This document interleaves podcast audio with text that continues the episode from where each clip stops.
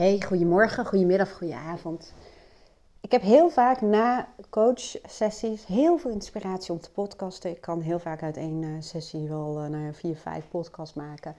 Want het leuke is dat ik gewoon altijd ook nog leer van mijn klanten. Door hun denkwijze, maar ook door de inzichten of door de nou ja, conclusies die we trekken. En dat is misschien wel een mooi bruggetje meteen waar ik het over wil hebben vandaag. En dat is dat wij als mens um, inderdaad de hele dag door conclusies trekken. We geven als het ware betekenis aan situaties en nou ja, gebeurtenissen, mensen, objecten. Aan de hand van onze perceptie, onze manier van hoe wij naar de wereld kijken, onze manier van hoe wij uh, kijken naar hoe dingen horen, onze manier van denken over goed en fout. En op basis daarvan construeren als het ware verhalen als zijnde uh, waarheid dat was vandaag weer zo'n um, ja, inzicht. Um, in mijn coachopleiding leerde ik bijvoorbeeld ook heel erg veel over overwinningsverhalen en bijvoorbeeld uh, slachtofferverhalen. En um, ja, heel veel mensen zijn meer bekend met het glas half vol hebben of half leeg hebben. En het is wel heel erg bepalend hoe je naar bepaalde dingen kijkt en wat voor betekenis je toekent. En we doen heel vaak dat vanuit uh, ja, één of meerdere, als het ware, vaste perspectieven. Waardoor je dus een verhaal construeert als zijnde, dit is de waarheid. Hè? Bijvoorbeeld hoe mensen bijvoorbeeld streng naar zichzelf kunnen kijken en zeggen dat ze iets fout hebben gedaan. Of iets hebben nagelaten. Of iets niet goed hebben gedaan. Maar goed, goed en fout zijn natuurlijk maar labels. Het zijn geen feiten we hebben dat verzonnen. We hebben bepaalde normen bedacht uh, over wat goed en fout is. Maar zo absoluut is het vaak helemaal niet. Alleen in ons hoofd wel. En vaak conflicteert dat. En hoe conflicteert dat? Het conflicteert met um, het, het, het, nou ja, het nemen van beslissingen. Heel vaak mensen zeggen ook het durven nemen van beslissingen. Uh, bijvoorbeeld om uh, een, een, opleiding bijvoorbeeld af te maken. Bijvoorbeeld, ik heb heel veel jongeren in mijn praktijk die vastlopen omdat ze een bepaalde opleiding hebben gekozen en niet eruit durven te stappen omdat ja, iedereen daar wat van vindt. Of er juist wel uit zijn gestapt. Of een bepaalde carrière hebben.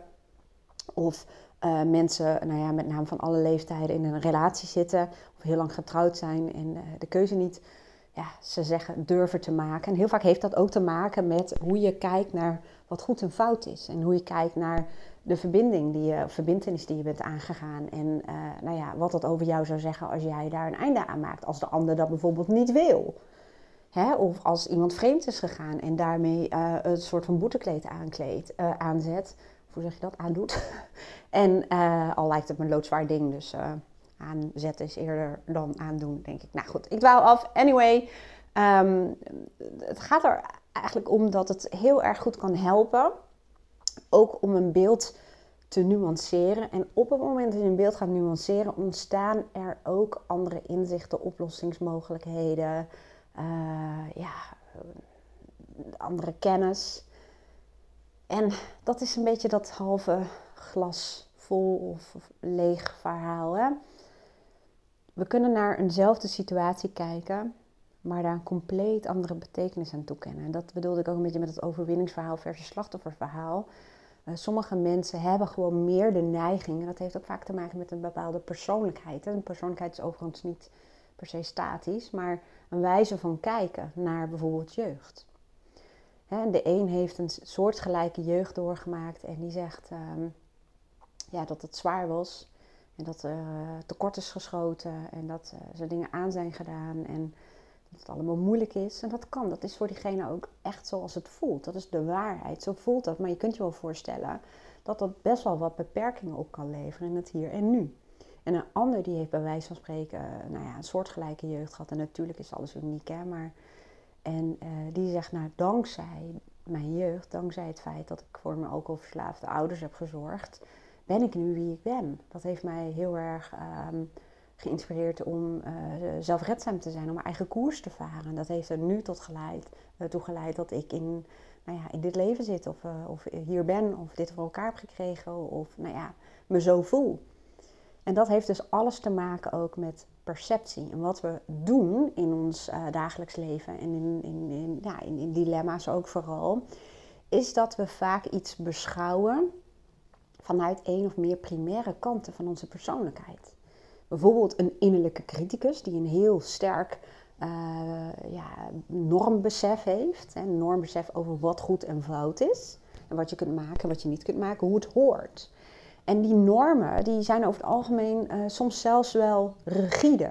Of heel bepalend. Hè? En, en over, um, nou ja, dat mag niet want, of het hoort niet want, of het zou niet goed zijn. En daarbij krijg je heel vaak hulp vanuit je eigen persoonlijkheid als het gaat bijvoorbeeld om schuldgevoel. Hè? Die kan dan um, een hele grote bijdrage gaan leveren. Dus kun je je voorstellen, je innerlijke criticus, die vindt hoe iets hoort en die vindt wat jij zou moeten doen en die vindt wat je niet zou moeten doen en wat um, uh, goed en fout is. En je schuldgevoel die dat misschien gaat voeden. Of die een enorme drijfveer kan zijn voor je uh, gedrag, voor, ja, voor je handelingen. Ook in uh, opvoedkwesties zie ik ook gewoon heel vaak. En ik herken dat van wij vroeger ook wel. Dat we ons heel vaak laten regeren door schuldgevoel. Doordat bijvoorbeeld onze innerlijke criticus zegt dat we dingen fout hebben gedaan, niet goed hebben gedaan. Dat we tekort zijn geschoten. En op dat moment merk je vaak dat schuldgevoel als het ware inspringt. En ik weet dat het een beetje raar klinkt. Maar om reparatiewerkzaamheden te gaan verrichten. Hè, door, door toch een stukje ja, schadebeperking of uh, nou ja, proberen het goed te maken. Maar vaak is dat een niet heel effectieve strategie. Zeker niet als we ons bewust zouden worden van wat onze uh, visie is, wat ons beeld is van wat wij willen. Bijvoorbeeld als het gaat om opvoeding.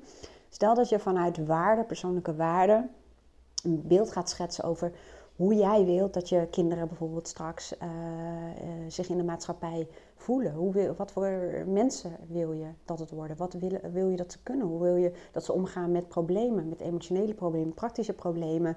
Wat wens je ze? Wat is belangrijk? En wat vinden ze zelf daarin bijvoorbeeld belangrijk? En als je daar een beeld van hebt en je zegt bijvoorbeeld dat je zelfredzaamheid of bepaalde onafhankelijkheid heel belangrijk vindt, dan zul je ook merken dat um, in het hier nu handelen vanuit schuldgevoel een conflicterende strategie is. Dat die dus niet jou brengt, of jouw kind uiteindelijk, dat je daarbij niet bijdraagt aan de zelfredzaamheid of de onafhankelijkheid van een kind. Hè? Want schuldgevoel, dat, dat, dat uit zich in allerlei gradaties, in allerlei vormen. Maar dat kan er bijvoorbeeld voor zorgen dat je heel veel dingen uit handen neemt. Om het kind zo min mogelijk, of om heel veel te besparen. Of hè, om het zo makkelijk mogelijk te maken. Ja, en dat helpt natuurlijk niet heel erg om straks te zorgen dat je kind onafhankelijk en zelfredzaam is. En um, dat ja, vereist natuurlijk allereerst een beeld hè, van, van wat is jouw ideale beeld als het gaat om dat onderwerp, in dit geval opvoeding. Maar wat ook gewoon heel erg helpt, um, ook bijvoorbeeld uh, situaties waar bijvoorbeeld iemand uh, ja, vreemd gaat en uh, de ander die weet dat. Um, waarbij de relatie nog steeds niet goed is. En de ander die, die vreemd is gegaan, die voelt zich schuldig. En die vindt dat het allemaal haar fout is of zijn fout is. Um, en daardoor heb je toch ook vaak weer dat schuldgevoel, verantwoordelijkheidsgevoel. Van ik heb dat al iemand aangedaan. Dus ja, nu moet ik blijven ook. Ik kan niet alsnog voor mezelf kiezen, want dan ja, beschadig ik iemand nog meer, om het zo te zeggen. Dat is een manier om er naar te kijken. En ik help mensen om daar um, ja, vanuit andere invalshoeken naar te kijken, waardoor het beeld ook vaak genuanceerder wordt. Want daarin zegt iemand heel absoluut: ik ben verantwoordelijk voor uh, de, nou ja, het slagen van deze relatie. Terwijl je feitelijk allebei aandeelhouder bent, ook van een relatie, maar ook van bepaalde patronen. Hè, bedoel, iemand die gewoon uh, mentaal oké is, om het zo te zeggen, en een bepaald bewustzijn heeft, die kan zelf kiezen. En die is daar zelf ook uh, bij betrokken. Dus die heeft in die situatie waarschijnlijk um, die, die constructie of die situatie voorziet in bepaalde belangrijke behoeften. Of die constructie dient voor beide partijen. Klinkt een beetje ingewikkeld misschien, maar Um, als het niet zou dienen, dan, dan zou iemand uit die situatie stappen, om het zo te zeggen. En, maar door vanuit verschillende invalshoeken ernaar te kijken, ook vanuit dat oogpunt. Um, en dat bedoel ik mee van, oké, stel, hè, uh, laten we, en ik doe dat eigenlijk altijd door vragen te stellen om iemand zelf tot inzichten te laten komen. Maar Waardoor iemand beseft, oh ja, ik kan natuurlijk niet in mijn eentje slagen, zorgen dat het slaagt. Ik kan niet in mijn eentje allerlei dingen willen organiseren om samen te doen als de ander gewoon geen zin heeft. En nou ja, dat. Ehm, maar ook door bijvoorbeeld te kijken wat de voordelen zijn door juist nog in deze constructie te zitten. Nou, dit gaat misschien ver, dus die laat ik even achterwege. Maar ja, slotsom om het zo te zeggen. Ehm, ik denk persoonlijk, en sommige mensen vinden dat een beetje een, een, een, een, eh, nou ja, te makkelijk idee. Maar ik denk dat er niet zoiets bestaat als absolute waarheden.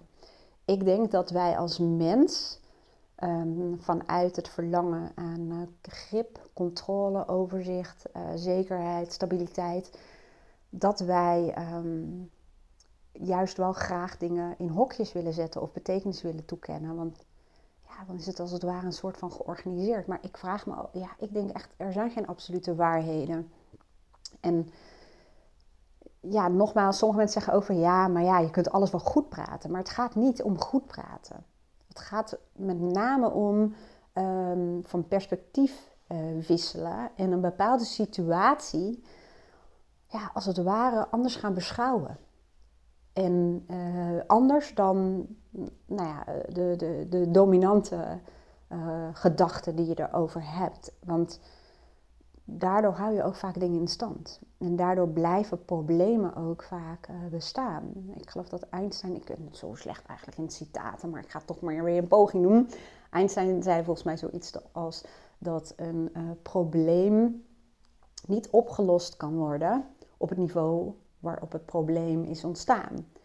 En, en, en dat ben ik eens met Einstein ook al. Ik kan dat waarschijnlijk niet meer vertellen, maar in elk geval, het, het, ja, door ook de hele tijd maar problemen te blijven analyseren, zul je ook vaak merken dat de oplossing niet tot stand komt. Hè? We zoeken dan naar oorzaken met het verlangen om een oplossing te vinden.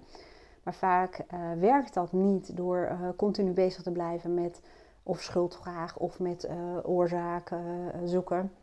Maar soms werkt het door simpelweg te zeggen: Oké, je hebt dus een probleem en die doet zich voor in deze situatie.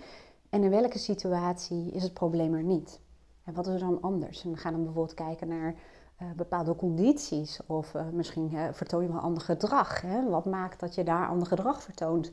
En op die wijze zul je vaak zien dat er ja, oplossingen in één keer verschijnen. Of dat je zegt, oh ja, oké, dus dat doe ik anders. Nou stel dat ik dat in deze situatie ook eens zou gaan toepassen. Wat zou er dan veranderen?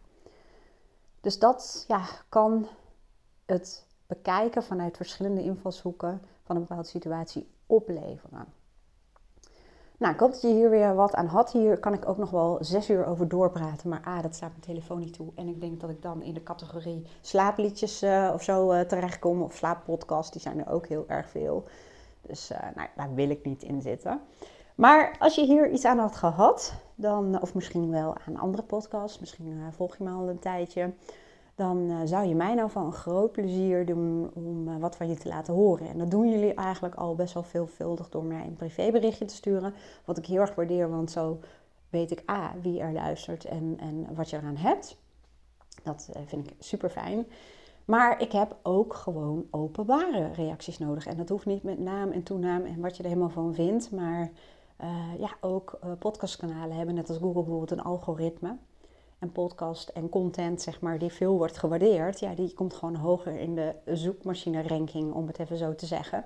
Dus je gaat mij dan van groot plezier doen als je mijn podcast wilt uh, waarderen. Dat kan bijvoorbeeld op iTunes door uh, mijn podcast uh, even te zoeken, mijn podcastkanaal. En dan ga je een stukje naar beneden en dan zie je van die sterretjes. Dan kun je een beoordeling meegeven. En je kunt ook een reactie achterlaten of een review, dat kan ook, maar dat hoeft niet eens. Dus uh, dankjewel als je daarvoor de moeite wil nemen. Ook weer dankjewel voor het luisteren. Ik wens jou een hele fijne dag en uh, nou ja, heel graag tot de volgende podcast. Doei doei!